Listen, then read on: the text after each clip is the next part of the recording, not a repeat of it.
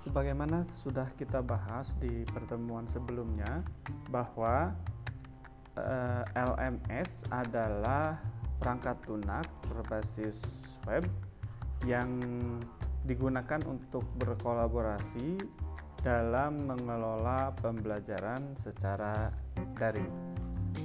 Namun, apakah teman-teman mengetahui eh, apa saja jenis-jenis LMS atau bagaimana klasifikasinya? Termasuk LMS apa saja yang teman-teman sudah pernah coba gunakan? Mari kita simak penjelasan berikut ini.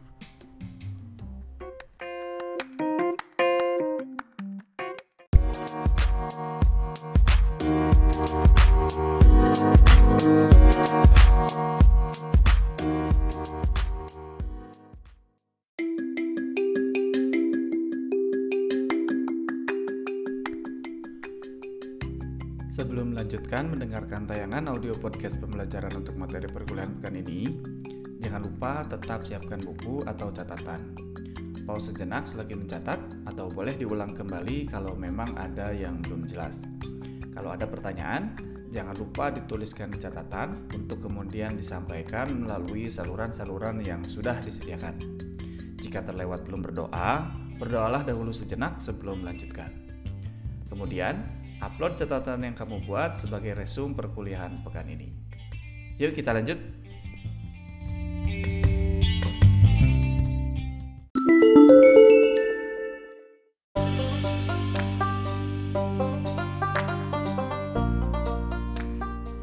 Secara umum, uh, Learning Management System atau LMS klasifikasinya dapat kita lihat berdasarkan empat eh, konsep yang berbeda atau empat rujukan yang berbeda. Yang pertama eh, berdasarkan subjeknya, artinya subjek apa sih yang dikelolanya. Kemudian yang kedua berdasarkan financial prosesnya, ada financial requirement ya, ada finansial ya kebutuhan finansialnya. Yang ketiga eh, proses pengembangannya, bagaimana suatu LMS itu dikembangkan dan siapa pengembangnya. Dan yang terakhir adalah di mana dia menyimpan eh, file-file uh, atau menyimpan database ataupun sistem atau aplikasinya atau perangkat lunaknya disimpan. Berdasarkan empat kategori tersebut, nanti kita bisa mengklasifikasi suatu LMS ini termasuk eh, kategori yang mana berdasarkan klasifikasi-klasifikasi tersebut.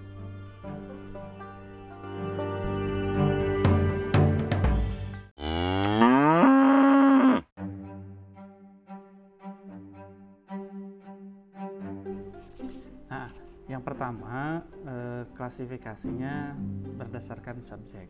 Maksudnya berdasarkan subjek eh, adalah ada eh, ini sebetulnya lebih besar dari sekedar LMS sendiri ya, subjeknya. Jadi jangan sampai salah salah kaprah, jangan sampai salah mengidentifikasi. Karena ada sebetulnya dua dua perangkat lunak, dua jenis perangkat lunak yang mengelola uh, konteks pembelajaran. Tapi tidak semuanya berupa LMS. L, uh, ada juga yang disebut dengan LCMS atau Learning Content Management System. Apa bedanya LMS Learning Management System dengan LCMS Learning Content Management System? LMS uh, punya cakupan mengelola aktivitas pembelajaran dari mulai perencanaan, pelaksanaan hingga evaluasi dari suatu aktivitas pembelajaran. Di dalamnya ada bahan ajar, melibatkan strategi pembelajaran, beragam aktivitas, bahkan hingga evaluasi. Sedangkan di LCMS, LCMS cenderung lebih kepada bagaimana seorang instructional designer, bagaimana seorang teacher, seorang lecturer mengelola bahan ajarnya. lebih kepada bagaimana dari mulai perencanaan bahan ajar, pengembangan bahan ajar, penyajian bahan ajar dilakukan dan penyimpanannya dan uh, sharing bahan ajarnya sehingga LCMS konteksnya tidak tidak uh, terkait dengan bagaimana pembelajaran secara umum hanya kepada bagaimana bahan ajarnya dikembangkan. Apa contohnya LCMS? Supaya lebih mudah, LCMS salah satu contohnya adalah blog. Yang paling sederhana adalah blog. Bolehkah pembelajaran dilakukan melalui blog? Boleh, tetapi blog tidak bisa mengelola aktivitas peserta didik kita. Tidak bisa banyak mengelola aktivitas peserta didik kita, tidak punya fleksibilitas untuk itu, tidak mampu merekap aktivitas peserta didik kita. Tetapi blog mampu menyampaikan bahan ajar. Kita punya blog, kita bisa menyampaikannya melalui tulisan, gambar, bahkan e, video. Kemudian e, di LCMS juga contoh lainnya adalah sosial media.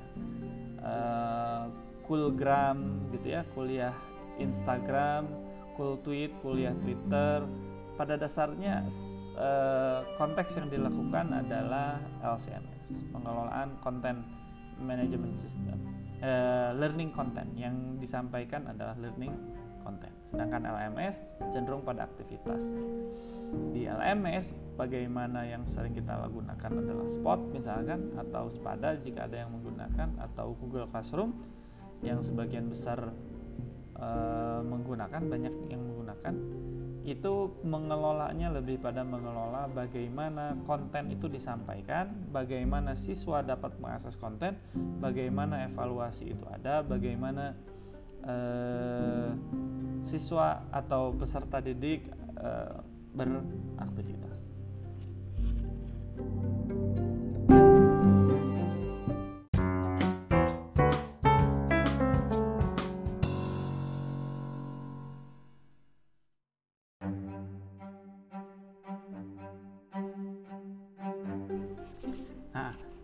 Pertama, eh, klasifikasinya berdasarkan subjek. Maksudnya berdasarkan subjek eh, adalah ada eh, ini sebetulnya lebih besar dari sekedar elemen sendiri ya, subjeknya. Jadi jangan sampai salah salah kaprah, jangan sampai salah mengidentifikasi. Karena ada sebetulnya dua dua perangkat lunak, dua jenis perangkat lunak yang mengelola uh, konteks pembelajaran. Tapi tidak semuanya berupa LMS. L, uh, ada juga yang disebut dengan LCMS atau Learning Content Management System. Apa bedanya LMS Learning Management System dengan LCMS Learning Content Management System?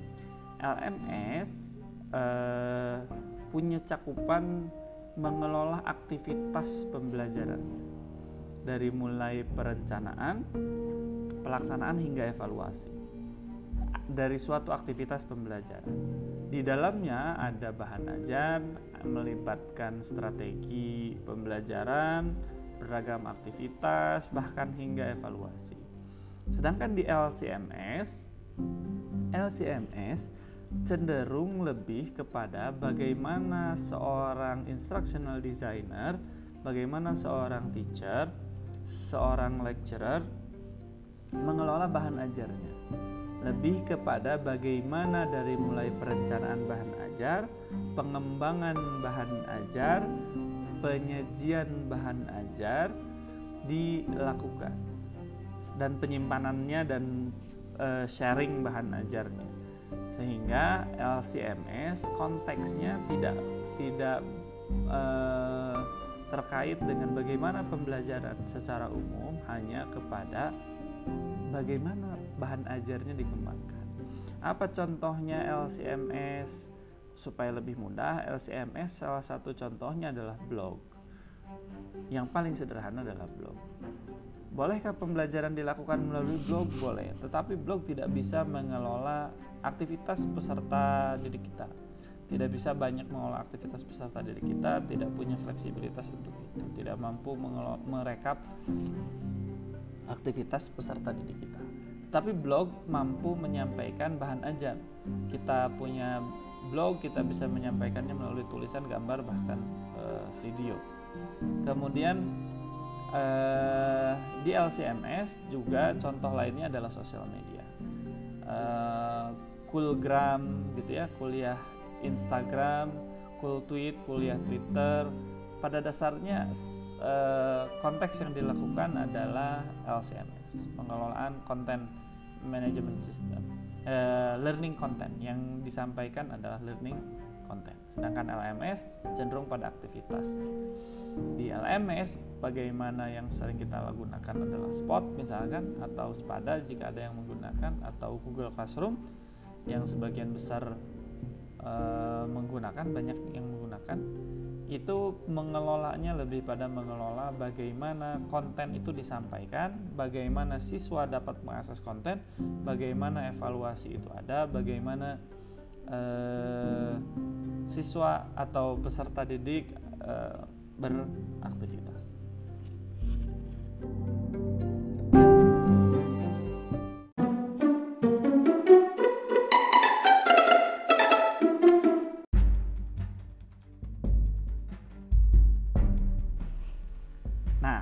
Berdasarkan pengembangannya uh, ada dua jenis.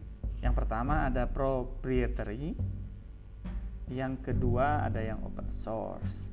Yang proprietary ini gampang ya lah istilah uh, singkatnya. Ini yang dikembangkan oleh uh, orang lain. Kita sudah terima jadi yang proprietary. Sedangkan yang open source itu kita juga sebetulnya bisa terima jadi, tapi kita diberikan kemungkinan untuk memilih fitur-fitur mana yang ingin kita gunakan uh, dari LMS kita tuh yang ingin dimunculkan, mana fitur-fitur yang tidak ingin kita munculkan. Lebih jauh malah yang open source ini kita mau mengembangkan softwarenya, mau mengembangkan aplikasinya itu bisa uh, dilakukan. Sedangkan kalau yang proprietary ini tertutup kemungkinan untuk kita pengguna atau orang orang di luar tim yang mengembangkan ini untuk mengembangkan aplikasinya eh, tidak memungkinkan. Contoh yang proprietary yang mudah yang dikembangkan oleh masing-masing universitas jika tidak menggunakan Moodle gitu ya pakai aplikasi sendiri itu hampir e, semuanya termasuk proprietary. Contoh lainnya ada Canvas, ada Edmodo, ada Google Classroom. Google Classroom kan kita tidak bisa mengotak-ngatik source code-nya, tidak bisa mengakses source code-nya, e, itu ada tim Google khusus. Nah, yang open source contohnya adalah e, Moodle. Ini yang paling terkenal adalah Moodle. Selain Moodle, yang juga sekarang sudah mulai banyak digunakan ada namanya OpenEDX. Walaupun memang OpenEDX ini tidak sedikit yang menggunakannya sebagai platform untuk menyelenggarakan yang disebut dengan MOOCs atau Massive Open Online Courses. Nah, ini e, juga nanti bentuk lain dari penggunaan LMS namanya MOOCs. Tapi dapat disimpulkan bahwa berdasarkan pengembangannya ada yang bisa kita kembangkan sendiri itu yang open source ya LMS yang bisa kita kembangkan sendiri ada juga LMS yang kita tidak bisa kembangkan sendiri tapi siap pakai. Artinya nggak perlu menginstal dan tinggal pakai. Namanya istilahnya adalah LMS yang proprietary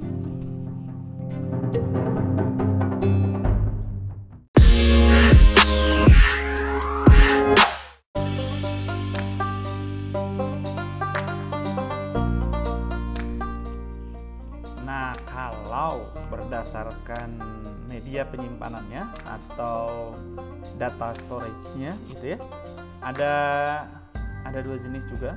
Yang pertama ada yang self hosted yang kita mikirin hostingnya di mana, harus kita lakukan instalasi dan konfigurasi pengaturan penginstalannya kita harus mikirin nama e, domain yang akan dipakai apa gitu ya itu kita self hosted Nah, yang termasuk self host self hosted ini ya itu tadi. Kalau yang digunakan oleh eh, masing-masing universitas perguruan tinggi yang pakai sendiri itu biasanya self hosted. Karena namanya ada misalkan di kita ada spot.upi.edu ada spada.upi.edu kalau di UI ada skele.ui kemudian ada lms.telkom ya. Itu beberapa di antara yang self hosted artinya masing-masing uh, pengembang gitu ya mengembangkan sendiri penggunaan LMS-nya harus install, harus maintenance, kemudian harus ya kalau maintenance sih sebetulnya semuanya juga harus. Kemudian ha, se, tapi secara mandiri ya mengkonfigurasi sendiri uh, memperhitungkan bandwidth dan lain sebagainya. Beda kalau yang uh, cloud based secara data storage-nya di di aplikasi ini disimpan di cloud. Jadi menggunakan salah satu jenis cloud uh, jenis layanan cloud yaitu SaaS ya software as a service jadi kita menggunakan software yang fully cloud based. Contohnya apa? Yang cloud based ya kita nggak perlu mikirin bagaimana menginstal kita tinggal pakai. Uh, contoh yang cloud based ini ya Google Classroom, Canvas, Modo dan lain sebagainya. Tidak perlu kita pikirkan bagaimana menginstalnya kita tinggal pakai. Kalau yang self hosted uh, ini kita perlu perlu menyiapkan domain dan hosting sedangkan yang cloud base kita tinggal pakai ada kelebihan dan kekurangannya masing-masing. Kalau yang self hosted tentunya database-nya penuh. Secara penuh kita miliki penggunaan dari uh, eh, LMS yang kita pakai. Sedangkan jika yang cloud based tentunya sangat terbatas. Karena ini dimiliki oleh uh, orang lain. Secara umum biasanya yang self hosted adalah yang open source sedangkan yang cloud based kecenderungannya dia adalah yang proprietary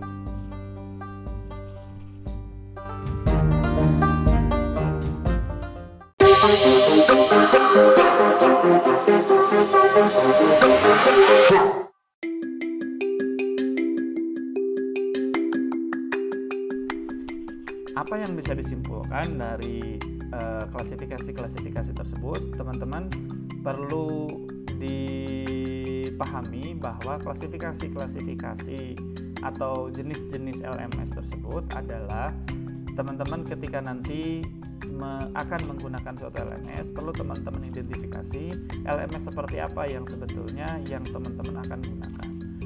Eh, tergantung dari kebutuhan pembelajaran, tergantung dari karakteristik uh, lembaga pendidikan yang teman-teman uh, tinggali, gitu ya, teman-teman abdi mengabdi di sana, maka akan memiliki karakteristik yang berbeda, akan memiliki karakteristik yang uh, berbeda karena dari masing-masing uh, jenis LMS tersebut menghasilkan atau berdampak ya, berdampak sesuai dengan kebutuhan dan kebijakan yang diberikan oleh lembaga pendidikan.